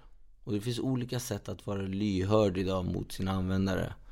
Eh, förut gjorde man massa undersökningar och kommunicera med sina eh, användare, vilket man fortfarande kan göra idag. Eh, men idag finns det effektivare sätt att förstå sig på sina användare. Och det är via data. Eh, det är via data Netflix kan erbjuda dig som användare personifiera sin tjänst bara enbart för dig liksom. Så du får de bästa filmerna just för dig rekommenderade. Samma gäller Spotify. Och exakt samma sätt gäller det för oss på Matspar och Kimura. Att eh, förstå våra användare, vad är det de vill ha för någonting? Och hela tiden vara lyhörd och vara nyfiken. Aldrig sluta vara nyfiken på sina användare. Så att man i framtiden när man kommer in på Matspar och är till exempel vegetarian, ja men då ser man bara vegetariska produkter och vegetariska recept. Och sina favoritprodukter och kanske rekommenderas produkter som man inte har använt tidigare men som vi förstår, den här produkten passar dig för du tycker om det här, det här, det här, det här. Den här livsstilen har du, just nu har du berättat för oss, har vi förstått. Och därav behöver du den här produkten. Och Sen så kan ju det här leda till att man inte ens behöver klicka i produkterna. Produkterna är redan iklickade i kundvagnen. För vi vet vad den här personen behöver den här veckan. Vilka recept den behöver. Hur ska den utmana sig själv? Etc, etc. Vill den gå ner i vikt? Vill den bygga muskler? Whatever. Kosten är så viktig. Och det är nog så vi skapar matsparknarkare. Folk som alltid kommer vilja använda sig av matspar så fort det handlar om mat. E-handelskunden på mat i allmänhet så handlar ju den hälsosammare varor än vad de gör, vad kunderna i fysisk butik gör. Ja. Till viss del så beror det ju på utformningen av de fysiska butikerna med väldigt mycket godis och sånt ja, kassan. Impulsköper mycket mindre. Ja, mm. ja men precis. Eh, samtidigt som du har beskrivit att du liksom att du vill göra skillnad för människorna och hjälpa dem handla bra mat. Eh, är det någonting ni funderar på liksom och jobbar med i utvecklingsväg? Att kunna styra, att hjälpa dem lättare hitta sånt som de som är bra för eh, era, era användare? Ja, precis. Och jag måste återigen gå tillbaks till behovet. Vad är bra för våra användare? Våra användare är alla olika typer av människor. Och eh, vi människor har Vissa av oss behöver gå upp i vikt, vissa av oss behöver godiset som du pratar om. Vi behöver fettet för vi, Vi har alldeles för lite av det. Eh, och vi har aldrig lyckats gå upp i vikt vissa av oss. Eh, vissa har den lyxen liksom. Ja, I deras fall kanske det inte känns som lyx. Nej, Men eh, för oss som har hull runt magen, för det, det känns lyx. Eh, medan andra behöver gå ner i vikt. Vissa behöver tänka på sitt kolesterol, vissa behöver tänka på sitt järnintag, etc. Och det är återigen, tillbaks till det, det är så vi hjälper dem. Vi behöver veta vad varje individ har för typ av behov. Och det är via personifieringen.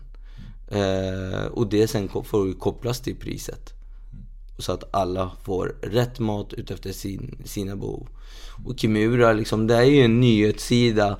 Men vi skapar ju olika typer av content. Och det handlar ju också om att rikta rätta krönikorna till eh, de eh, som har jag till exempel Andersson Silva som idol, ja men då ska jag självklart alltid få se artiklar om honom. Jag får inte missa en enda då. Och eh, pling i mobilen, Andersson Silva artikel, notis. Lite sådana saker. Men det finns redan, det är ingen liksom hjärnforskning i sig när det handlar om nyhetssidan. Utan det är svårare än vad det handlar om mat. Ja, men där tänker jag att det kan vara en väldig utmaning i, i att faktiskt genomföra det som är rätt. Gång efter gång också. Att även om det finns så är det inte alltid så lätt att säkerställa att man alltid får till det. För misstag, misstag sker ju och man glömmer saker och sådana saker. Ja, så är det. Och eh, sker misstagen, vad är misstag till för? Jo, det är för att lära sig liksom. Det är en data i sig. Ja, jag funderar på din, din egen kompetensutveckling. Hur, hur utvecklar du din kompetens för att nå dit du vill? Ja, det är ju... Jag är allmänt dålig på att studera. Jag är allmänt dålig på att tänka så här, ah, men nu ska jag bli bättre på och eh, köra Facebook-marknadsföringar till exempel. Då är jag dålig på att sätta mig ner och gå igenom och läsa om hur andra har gjort och... Jag, jag, jag, låter, tillåter mig själv inspireras, det gör jag och kollar lite så. Men jag studerar liksom inte i tekniken etc. Utan det jag gör är att jag ger mig bara in i det och så bara testar jag. Och, för jag har inte tålamod att läsa.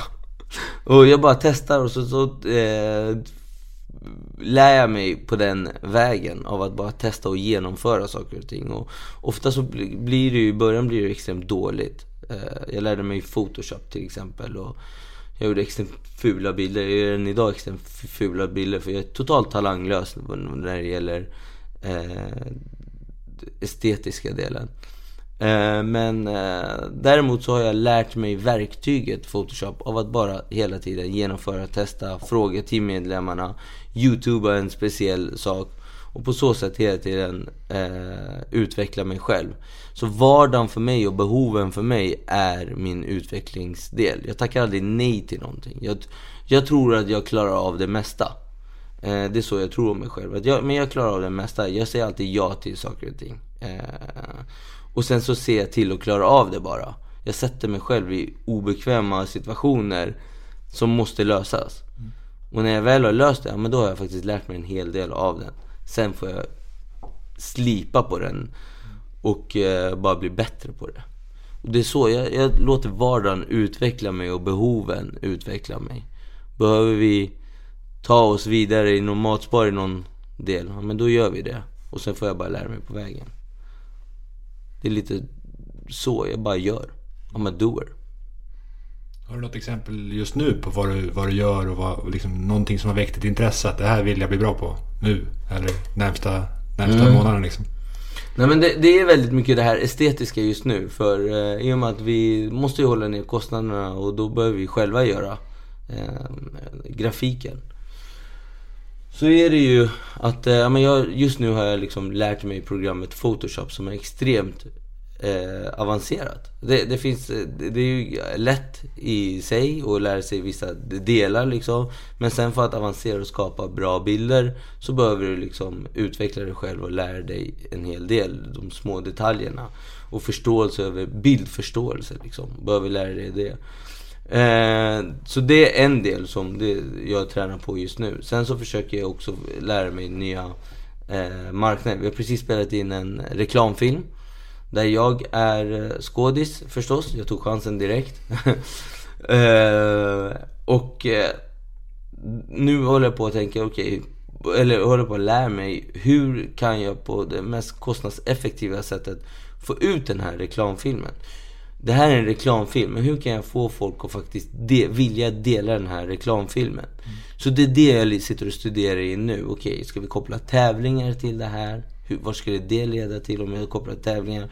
Hur många chanser har jag på mig? Och faktiskt misslyckas med en sån sak. För folk må vilja eh, dela den här eh, av en viss anledning. Men anledningen kanske inte är rätt från första början. Och om den inte är rätt från första början kan nästa anledning vara rätt och kommer folket vilja ge mig en chans? Hur många gånger har man råd att misslyckas med en sån sak till exempel? För om jag inte får delningen, då blir den inte lika kostnadseffektiv som jag hade sett, eh, velat eh, att den ska bli. Och vilka andra kanaler behöver jag koppla till? Så jag har på och kollat liksom, vad har andra bolag gjort? Eh, för att försöka träffa rätt direkt. Vilket är jäkligt svårt att träffa rätt direkt. Det, eh, så smart är inte jag. Nej, nej, nej säger jag. men, nej, jag håller med. Men, men, men, men, du testar ju mycket, precis som, precis som vi gör i våra poddinspelningar och all annan kommunikation vi gör. Eh, och där är... Eh, det kanske inte är den här filmen som, som flyger liksom. Eh, och någonting vi kommer in på då som jag, jag funderar över. Det är klart du vill att filmen ska lyckas, men mm. det är ju inte säkert att den gör det. Nej. Motgångar. Eh, ja. Hur... Hur hanterar du dem? Känner du att du har utvecklat några... För du har liksom, I och med att du har provat så mycket så har du gått igenom en hel del motgångar. Jag är helt säker på. Mm. Har du hittat liksom någon, något system för dig själv i hur du hanterar dem och ser till så att du växer ja, i dem? definitivt. Det är en stor del av mitt liv, motgångar. Som entreprenör tror jag det är... Jag tror att det är en stor del av samtliga entreprenörers liv. Och när man är inne i en startup, då tillhör det inte bara ens liv, utan då är det ens vardag. Du har motgångar varje dag. Eh, och då behöver du... Du behöver lära dig att hantera motgångar. Om du inte lär dig att hantera motgångar, då är du körd. Eh, det vill jag påstå. Jag, eh, jag, vill inte säga att jag tror det, utan jag vill säga att jag vet det. Eh, så starkt vågar jag liksom uttala mig om den biten. Och för det tär på en om man låter det tära på en. Och till slut orkar vi inte mer, spelar ingen roll. Vi, det, skulle vi vara robotar vi kunde hantera... Eh, alltså, hade vi kunnat låta motgången tära på en, för det, vi har inga känslor. Men nu måste vi lära oss hantera dem. Sättet jag hanterar dem är egentligen att jag attackerar motgångarna. Jag låter inte motgångarna attackera mig.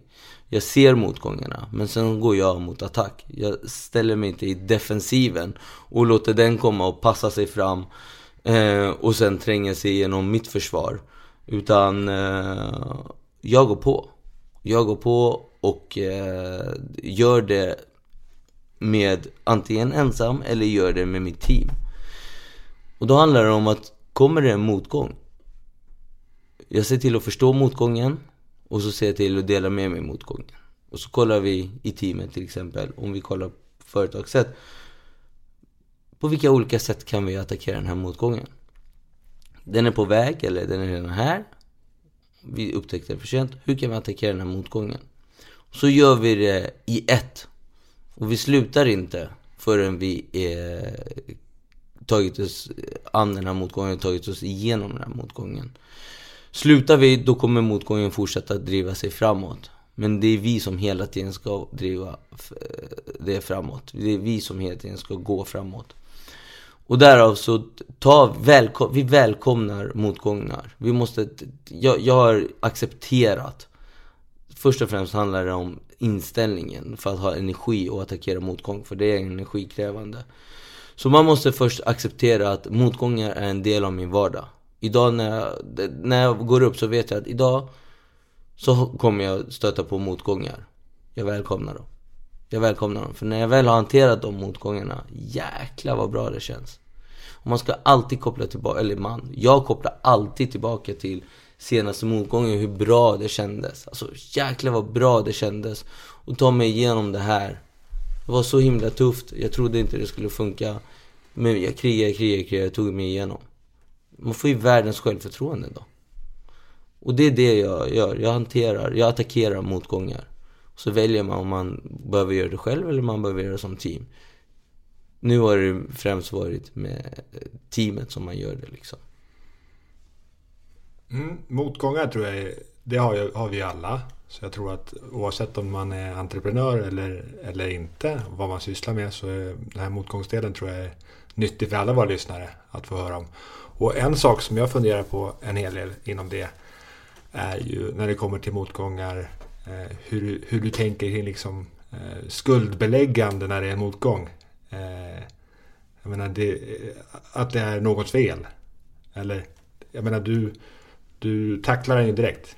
Men har du en hantering av liksom, liksom hur den har uppstått motgången? Hur tänker du där? Ja, precis.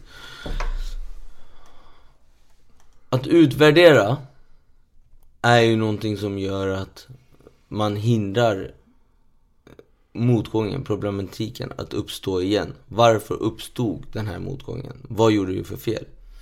Och vi märkte, jag kan dra, ta ett konkret exempel till exempel. Och det var att eh, vi drog på oss, vi fick in investering, det regnade erbjudanden över oss eh, på Matspar. Och eh, vi tog in en investeringsrunda och sen så hade vi massa planer på tillväxt. Eh, vi tänkte vi ska göra följande och vi satte massa strategier, vi började anställa och vi skulle bygga och vi skulle sälja. Eh, men det vi också märkte var att ett, tekniken var inte där än. Så att använda Matspar på den tiden var inte en jättebehaglig upplevelse. Och det var, faktum är, det var till och med tidskrävande. Och vi vet ju någonstans att men folk vill inte göra saker som är tidskrävande. Och värdet på andra sidan, även om det tog tid, det var inte... Det matchade inte tiden det tog. Och därav så hade vi inte världens tillväxt i trafik. Och sen så försökte vi ändå, vi hade liksom en, anställt en säljchef som var en duktig säljare. Han skulle, eh, han har jättestor erfarenhet inom media. Han visste hur försäljning, digital försäljning går till. Och när vi gick ut och skulle sälja, vi hade redan försökt sälja ett par gånger innan. Det hade gått helt okej, okay, alla hade visat stort intresse. Men när det väl skulle komma till själva offertdelen och betalningen så märkte vi att alla är intresserade fram tills det. Men sen så är alla inte redo att punga ut den summan som krävs. För att det är för tidigt. Det är för tidigt. Eh, och vi märkte att det är fel timing på det vi gör. Men det det också var, det var en extrem kostnad. Så våra beslut var korrekta om det hade varit en annan timing. En annan, längre fram i tiden. Men de vart inga investeringar längre utan de vart bara ren, rena kostnader. Eh, vilket drev oss egentligen till att ha Jag tror det var en och en halv månad Med den burn raten vi hade då så var det en och en halv månad till konkurs. Och vi behövde agera. Vi agerade, vi var tvungna att ta jobbiga beslut som att avsluta eh, nära relationer i form av anställning. Liksom. Och vi var tvungna att gå ner extremt mycket i lön. Trots att vi hade redan låga entreprenörslöner så gick vi ner till strax intill obefintliga eh, löner. Bara några tusen lappar liksom per månad för att klara av det här. Vi fick prata med några anställda som tror på bolaget så pass mycket att de valde att gå ner och halvera sin lön. Det här är liksom stjärnor vi pratar om. Som är högt avlönade oavsett var de skulle gå. Men de valde liksom, ja, men vi, vi tror på det här, vi tror på er. Vi gör det här tillsammans. Och idag är de liksom eh, framtida delägare skulle jag påstå. En av dem. Eh, och eh, det, det, är liksom en motgång som drev oss ut till plankan. Och vi var där, förutom kostnader så var vi tvungna att hitta intäkter. Hur ska vi hitta intäkter? Det är annonser vi har jobbat på. Och sen så började eh, vi klura och så har vi ju de intelligenta själarna i eh, bolaget. Omid och Berang och eh, började scanna av branschen och så såg de att, nej men fan, vi sitter på värdefull data. Vi kanske inte använder data, men vi har produktdata på alla produkter. Det måste vara intressant. Vi band några samarbeten och det ledde till att vi året efter, istället för att vi ska gå i konkurs, så gick vi en miljon vinst istället. Det var för att vi gav inte upp. Vi attackerade motgången. Och vi eh, blev smart. Vi tvingade oss själva att bli smartare. Vi tvingade oss själva att hitta intäkterna. Och det finns alltid lösningar. Jag, jag, jag inspireras av en... Eh, av en eh, serie, advokatserie. Eh, sjukt, jag har sett alla säsonger nu bara försvann den ur mitt minne vad den heter. Jag har inte sett någon själv, men Suits? Suits, tack! Ja, ja. Tack! Suits, jag älskar den. Och han, superadvokaten där säger, eh, det finns, jag kommer inte ihåg numret, man brukar säga typ så här, det finns 150 lösningar till samtliga problem. Eh, det gäller bara att finna ett av dem. Och det, det är en grej som jag tar med mig. Mm. Det finns alltid lösningar, bara hitta ett av dem.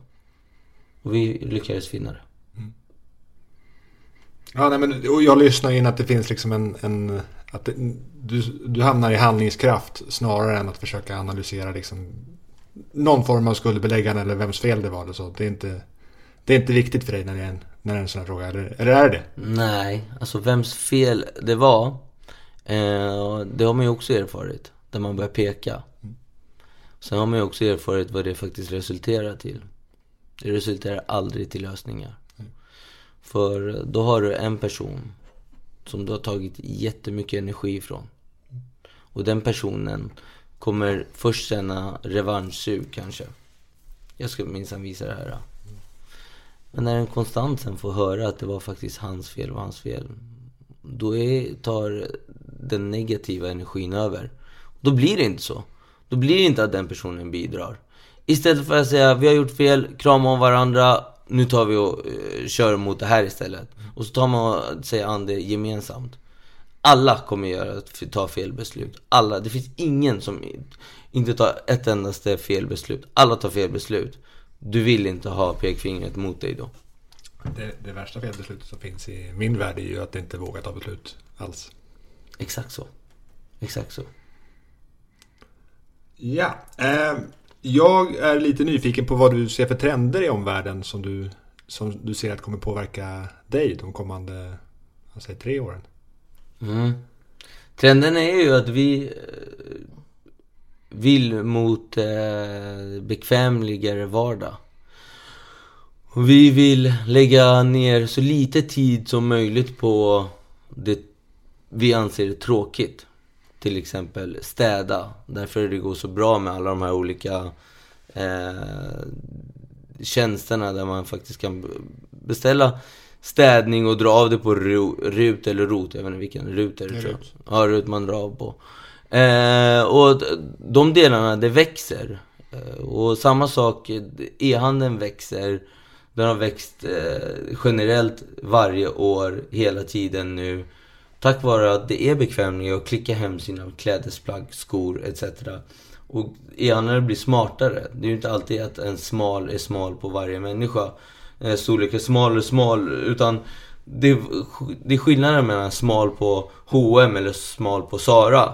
Och därav så börjar de istället eh, visa måtten. Så det blir enklare. Det blir, det, man behöver inte skicka tillbaks lika mycket. Och man, man, kan till och med ibland se hur en tröja ser ut på en utan att behöva testa det. Utan man erbjuder, eller en, ett par glasögon ser ut på en. Jag såg att eh, Synsam hade någon sån teknik.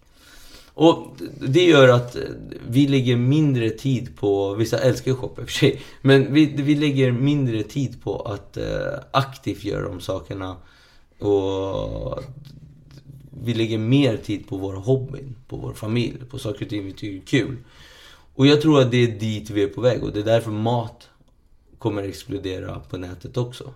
Ingen vill gå in och köpa sina toalettpapper och det är inte kul att köpa makaroner och eh, det, alla de här skafferivarorna är inte så himla roligt att köpa. Man kan faktiskt inspireras mycket bättre på nätet än man inspireras i butik. inspirationen man får i butik, det är egentligen doft och smak. Eh, resten kan man få till på nätet. Men det finns en anledning till att receptvideos är det mest delade på Facebook. De här snabba videorna. Mm. Det finns en anledning till det, för det, det inspirerar. Och det, på samma sätt så kan man jobba med inspirationen på nätet. Jag tror att vi kommer e-handla så mycket mer i framtiden. Och så, så tror jag att vi kommer lägga så mycket mer tid på vad vi tycker om att göra. Vi, vi, vi kommer umgås mer med eh, varandra. Vi pratar om att nej, men vi umgås bara via sociala medier. Ja, vi kommunicerar där och vi delar med oss av vad vi gör under vardagen. Men vi har fortfarande inte slutat umgås. Vi tycker fortfarande om att hänga med varandra. Vi tycker fortfarande om att sitta så här som vi gör nu och prata med varandra. Hade det varit annorlunda, jag menar det är inte omöjligt att jag sitter hemma och pratar med dig via en telefon när vi fortfarande spelar in podcast. Eh, och du från din kant. Jag har ju ändå valt att åka en halvtimme hit. Och det är ju för att det här, är, det här kommer inte kunna ersättas på, på något sätt. Även fast det skulle vara video. Det är trevligare att sitta och snacka så här. Det är trevligare att se så här. Det är trevligare att höra kallsurret i en timme innan vi började spela in. Och det kommer inte dö ut. För vi, har, vi människor har behov av det. Och all bekvämlighet som vi skapar är för att ha tid med sådana saker. Är för att ha tid med det riktigt genuint sociala. Och det, jag, jag har förstått att man har sett social media och alla de typer av kanalerna som ett hot. Jag ser det inte som en hot. Jag ser, jag, jag ser det... Vi, vi kommer lära oss av det också. Vissa har lär, råkat missbruka det. Vissa har hamnat i att missbruka det. Men vi lär oss tyvärr av de skadorna också. Vi kommer bli smartare på hur vi använder det. Så att vi kan fortsätta ha det här äh, genuina sociala forumet som vi skapar för oss själva. Mm. Då har vi fått en liten bild av hur du ser på utvecklingen just nu eh, och jag tänker att vi ska gå in på lite, lite av dina drömmar. Och eh, jag är nyfiken på om du framtiden drömmer om att göra någonting helt annorlunda än det du gör idag. Ja, eller hur? Vet, vet, du, jag har en... Jag, jag har ju, som ni har förstått, vi pratade ju innan här och vi pratade om fotboll. Eh, jag brinner ju för fotboll, jag älskar fotboll. Jag slukar jättemycket fotboll. Eh, och MMA förstås. Eh, det är två sporter som jag brinner för. Jag gillar sport generellt. Eh, och idag jobbar jag egentligen med någonting som jag också någonstans har passion för. Eh, jag har ju passion för idén Matspar och hela den biten eh, runt omkring. Men jag har faktiskt väldigt mycket passion för mat. Jag älskar att äta mat, och, men jag älskar också att tillaga mat. Jag tycker det är skitkul att tillaga mat. Jag nördar ner mig i olika typer. Nu är jag inne i ett... Där, nu är jag inne i en fas där jag eh, bara gör pommes frites hela tiden. Jag ska skapa den bästa pommes fritesen någonsin liksom. Och också kebab, jag gör egen kebab. Eh, igår gjorde jag shawarma. Det var eh, skitgott. och eh, med just pommes frites. Och det, jag brinner för det liksom. Men jag tror att när jag är klar med matspar och jag är klar med de delarna som matspar ska leda mig till. Så vill jag, så drömmer jag om att någon gång äga ett eh, fotbollslag.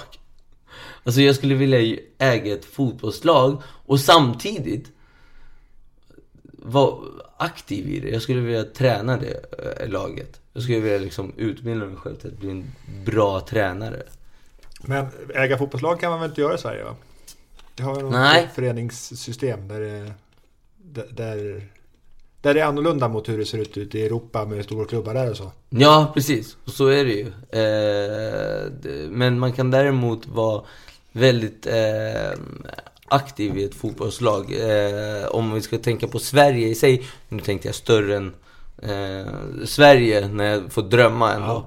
Ja. Eh, men om vi ska prata om vart man kan börja någonstans så handlar det om att ha en position i ett fotbollslag och ha styrelseroll eller ordföranderoll eller sportchef till exempel i ett fotbollslag. Och där kan man ju påverka väldigt mycket. Och det, det, det är ju där det i sånt fall får börja för att skapa eh, erfarenheten. Eller nej, det börjar redan nu där jag är knatte lagstränare. Mm. Och nyfiken på hur de här högre upp jobbar i organisationen. För att lära mig. Men eh, jag vill jobba med fotboll och om jag ska drömma så kommer... Idag jobbar jag med MMA. Eh, men jag vill jobba med fotboll. Mm. Kanske leder till att jag någon gång äger ett fotbollslag. Kanske leder till att jag tränar ett eh, division 5-lag bara. Eller bara bara. Eller att jag kanske blir någon form av agent och har hand om massa spelare. Eh, det vet vi inte. Men någonting med fotboll tror jag att det ska leda till. Mm. Och, och, vad gör du idag för att säkerställa att du kan göra det du vill göra i framtiden? Ja, och det jag, det jag gör idag egentligen, det är att jag fortsätter göra driva min vardag mot att nå mina faktiska mål som jag har nu. Matspar och Kimura ska vara liksom vägen till det jag gör i framtiden. Och det, det, vi skapar oss. Varje dag så har vi någon ny person i vårt nätverk. Antingen att man träffar en fysisk eller via LinkedIn eller eh, något annat. Och det, jag vill påstå att jag är social av mig. Och jag har ganska många som jag varje dag liksom det får kontakt med varje dag. Sen handlar det om att kunna hålla den relationen. Eh, och de, det nätverket, de relationerna som jag skapar idag, det kommer i framtiden leda till det. Och det jag gör idag, att jag bara är liksom fotbollstränare, det är ju en väg på vägen dit. Sen får liksom eh, mina ambitioner och mitt mindset eh, ta mig dit sen. Men just nu så får jag inte lägga för mycket fokus på det. För då tar jag fokus ifrån det faktiska jag håller på med. Mm. Vad, vad, tror du att du sysslar med 2035? 2035? Det är ju 15 år, från eh, nu ja. Men då har jag nog eh, hunnit lägga Matspar bakom mig. Eh, jag har nog då hunnit in i fotbollsvärlden. Och jag ser mig jobba med Matspar många, många år framöver. Så jag har precis lämnat Matspar då i sånt fall. Mm. Och jag har precis tag, vågat ta klivet in i fotbollsvärlden då. Och då tränar jag, jag är agent för min son.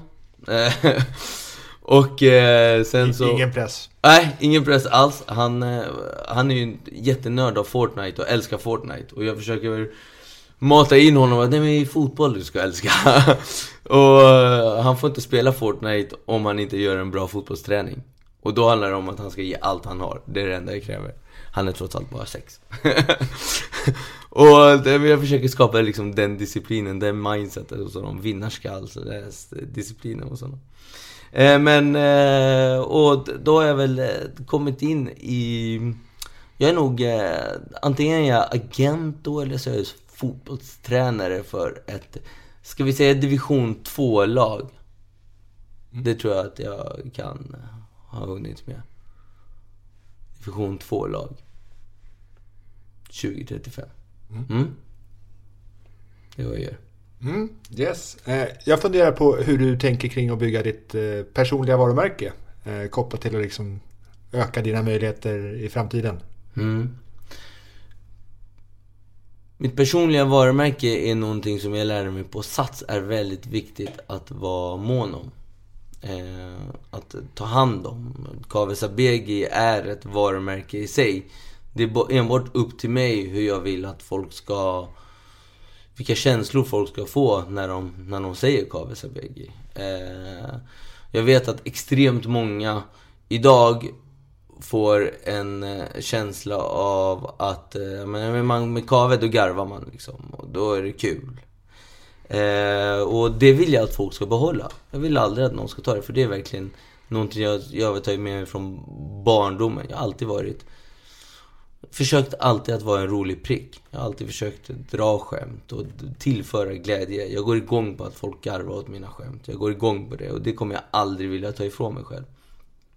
Men jag vill också att folk ska känna en eh, känsla av att men det är en person att lita på. En person som säger han någonting så genomför han det. Eh, säger han att han kan lösa en sak, hjälpa en med en sak, så kan man räkna med att den personen är där. Och därav kopplat till att jag är en kompetent person inom det jag säger att jag är kompetent och kan bidra till den branschen, till den delen och eh, i den branschen som jag påstår mig vara kompetent i. Och det är känslor som jag, det är främst känslor som jag vill skapa med mitt eh, namn, mitt personliga varumärke. Det är att, eh, det handlar inte om att jag ska vara känd på något sätt, men de som känner till mig eh, och vet vad jag går för. Hos dem ska jag ha en viss impact när man hör Kave. Och jag ska vara top of mind hos de människorna när det gäller saker och ting som direkt berör mig, som jag kan påverka. Det går ju lite in i det du pratade innan som en av dina drivkrafter, liksom, när, vi, när du nämnde legacy, liksom, som engelska ordet för det. Eh, och kopplat till det, jag menar om det plötsligt skulle ta slut, om, om säg om du skulle dö om fem år, mm. hur skulle du då vilja bli ihågkommen? Måste jag i trä. Ja, absolut. ja men då är det ju att jag, jag, jag, jag har tänkt på den här tanken eh, flera gånger. Hur fan, skulle någon ens komma på min begravning? Brukar, har jag tänkt flera gånger. Eh, men jag är ganska övertygad om, om att folk skulle göra det. För eh, jag vet att eh, jag, jag kvittar på att folk minns mig. Eh, folk minns mig Dels faktiskt på grund av min stora näsa. Folk minns mig väldigt väl på grund av den. Eh, och det, den, den har blivit en stor del av mig. Folk, jävlar vad folk kommer ihåg mig på grund av Jävlar vad jag beskrivs såhär, Kave, vem Kave? Jo men du vet han med stor näsa. Jag vet exakt vilken Kave du pratar om. Så det, det, den har man ju liksom lärt sig leva med utan att någonsin ta illa upp när någon driver med en om det Eh, och samt också just att en glädje jag vet att jag lyckats sprida. Den biten eh, gör att folk kommer ihåg mig. Så de två kombinationerna, om fem år är det fortfarande det de kommer ihåg mig för. Det är det som jag oftast lämnar starkast avtryck hos människor. Jag är högljudd och jag är skämtsam. Mm. Yes, och 2020 som vi är inne i nu. Mm. Vad vill du genomföra 2020? Vi har ett mål nu 2020 och det är att eh, vi, vi ska släppa vissa funktioner på Matspar och självklart göra det det bästa någonsin. Eh, vi ska omsätta mer än någonsin och det kräver att jag bland annat jobbar smartare och hårdare än någonsin. Eh, och se till att utnyttja alla dessa erfarenheter som vi har samlat på oss senaste åren till att faktiskt eh, utnyttja nu till 2020 och få framfart på Matspar så folk använder vår tjänst genuint. Eh, idag har vi extremt mycket Google-trafik som kommer in som liksom snubblar in på oss för att vi är så duktiga på Google. Mm.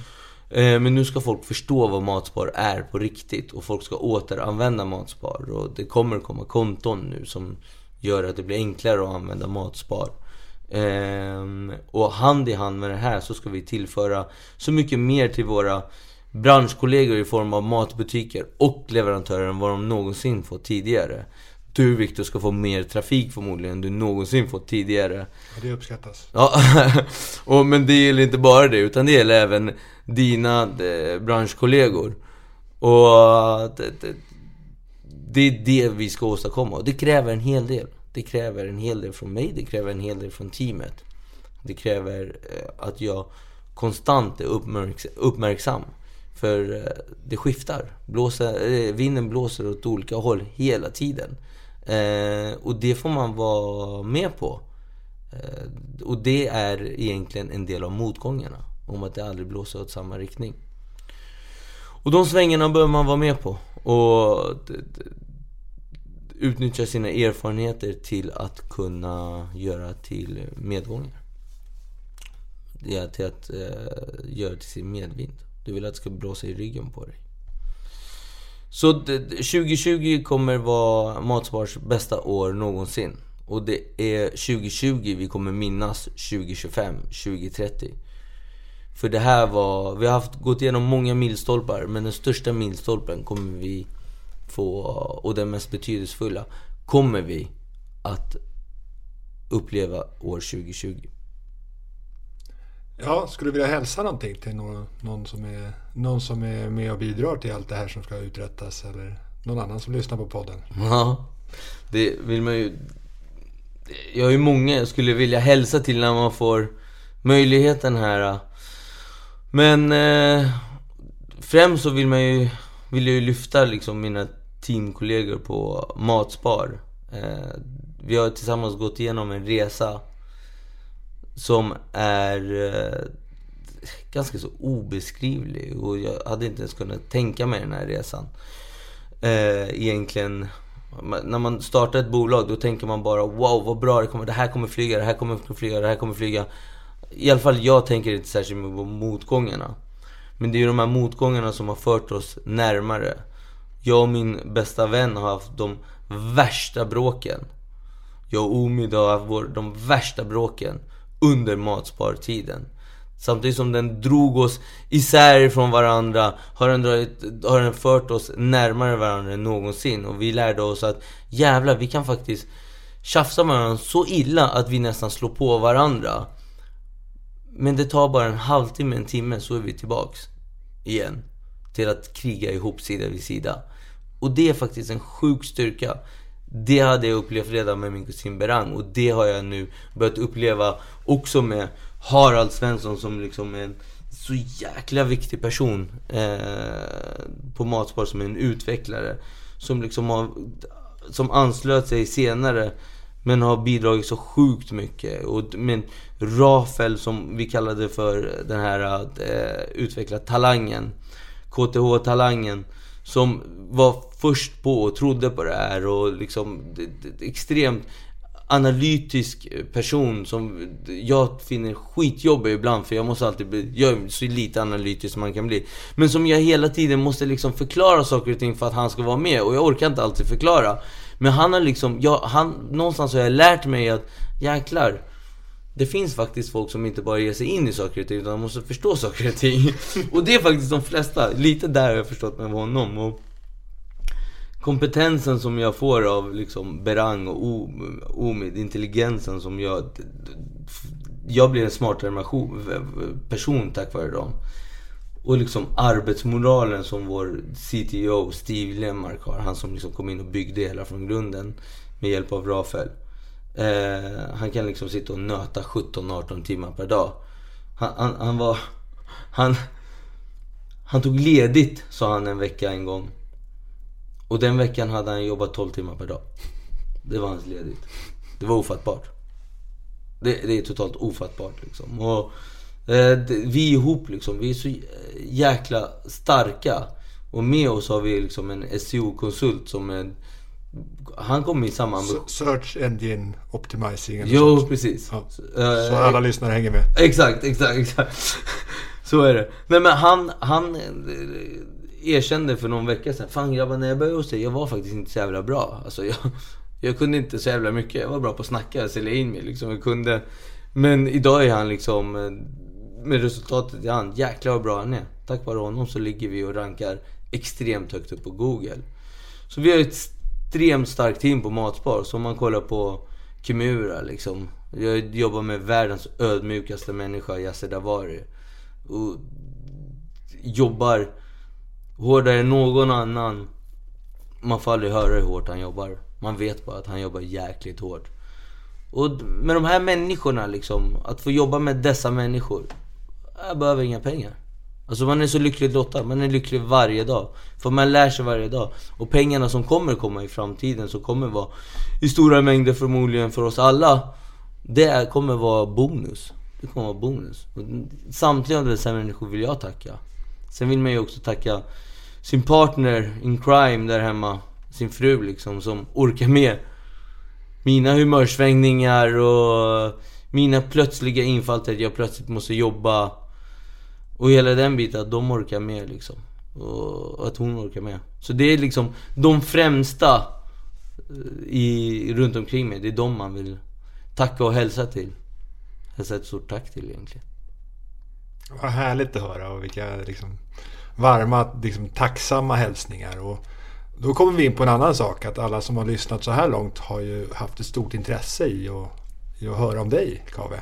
Och det jag tror att kan finnas av intresse där för våra lyssnare är att hur kommer man i kontakt med dig om man skulle vilja bli en av de här som, som du är tacksam för? Ja, precis. Nej men det är... Jag finns där alla andra finns. jag finns på LinkedIn. Eh, sen kan man ju enkelt nå mig per mail också. K at matspar.se Jag tror att det är enklaste att dela med mig av den korta mailadressen. Mm. Det är så man kommer i kontakt med mig. Och jag svarar, alltid. Yes. Jag tycker att det här har varit jätteintressant att lyssna på och lära mig av dina perspektiv. Och jag tror att våra lyssnare tycker att det har varit ett väldigt inspirerande avsnitt också. Jag hoppas För att eh, vi har kommit till slutet på det här. Så jag vill passa på att tacka dig Kave. För att du har ställt upp och varit med i den här podden. Eh, och sen vill jag tacka alla som har lyssnat på det här. Jag skulle vilja tacka dig Viktor, att du faktiskt ville ha med mig. Jag har varit eh, väldigt smickrad av att ens få förfrågan att få vara med i ett sånt här forum. Eh, man tycker kanske inte att man har åstadkommit så mycket för att förtjäna att vara med i ett sånt här forum. Att få vara med i en podd och berätta om vad man har gjort. Det tänker man, men det gör man när man har gjort sin exit och är miljardär och så vill alla höra liksom, hur gick det hela till? Eh, så jag tycker det var extremt kul att få vara med och dela med mig av det lilla som jag har erfarit hittills. Jag har mm, långt kvar att lära mig. Det jag varit med om, det känner jag redan till. Det intressanta är vad som är liksom framöver. Så jag ser till, jag, jag ser fram emot att bli gammal. det håller vi tummarna för. Ja. ja. Nej men då ska vi avsluta och då passar vi på att säga hej då till alla. Tack och hej. Hej då. Hej.